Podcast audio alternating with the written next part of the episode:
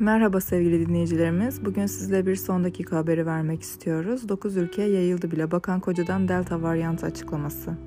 Son dakika haberlere göre koronavirüs salgınında yeni bir dönüm noktası yaşanıyor. Yayılma hızına yetişilemeyen varyant şehirleri kapatmaya başladı. 9 ülkede görülen Delta Plus varyantı ise paniği tetikledi.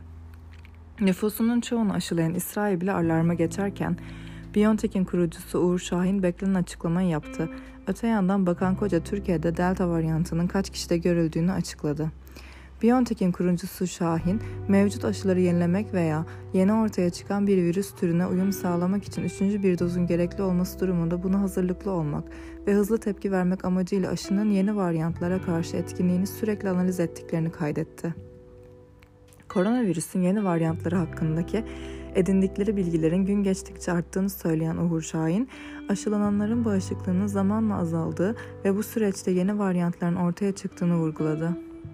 BioNTech'in kurucusu 3. doz aşının bağışıklığı yenilemek için yüksek bir değere sahip olabileceğini varsayıyorum. Ancak 3. doz takviye aşılamanın ne zaman ve ne sıklıkta gerekli olacağını henüz bilmiyoruz dedi. Şahin ABD'li ortakları Pfizer ile bu yıl 3 milyar doz aşı üretmeyi planladıklarını belirterek gelecek yıl ise bu rakamın daha da artacağını söyledi. BioNTech söz konusu aşıların en az %50'sini kendi üretmeyi planlıyor. Bizleri dinlediğiniz için teşekkür ederiz. Bizleri Instagram ve Spotify'da takip etmeyi unutmayın.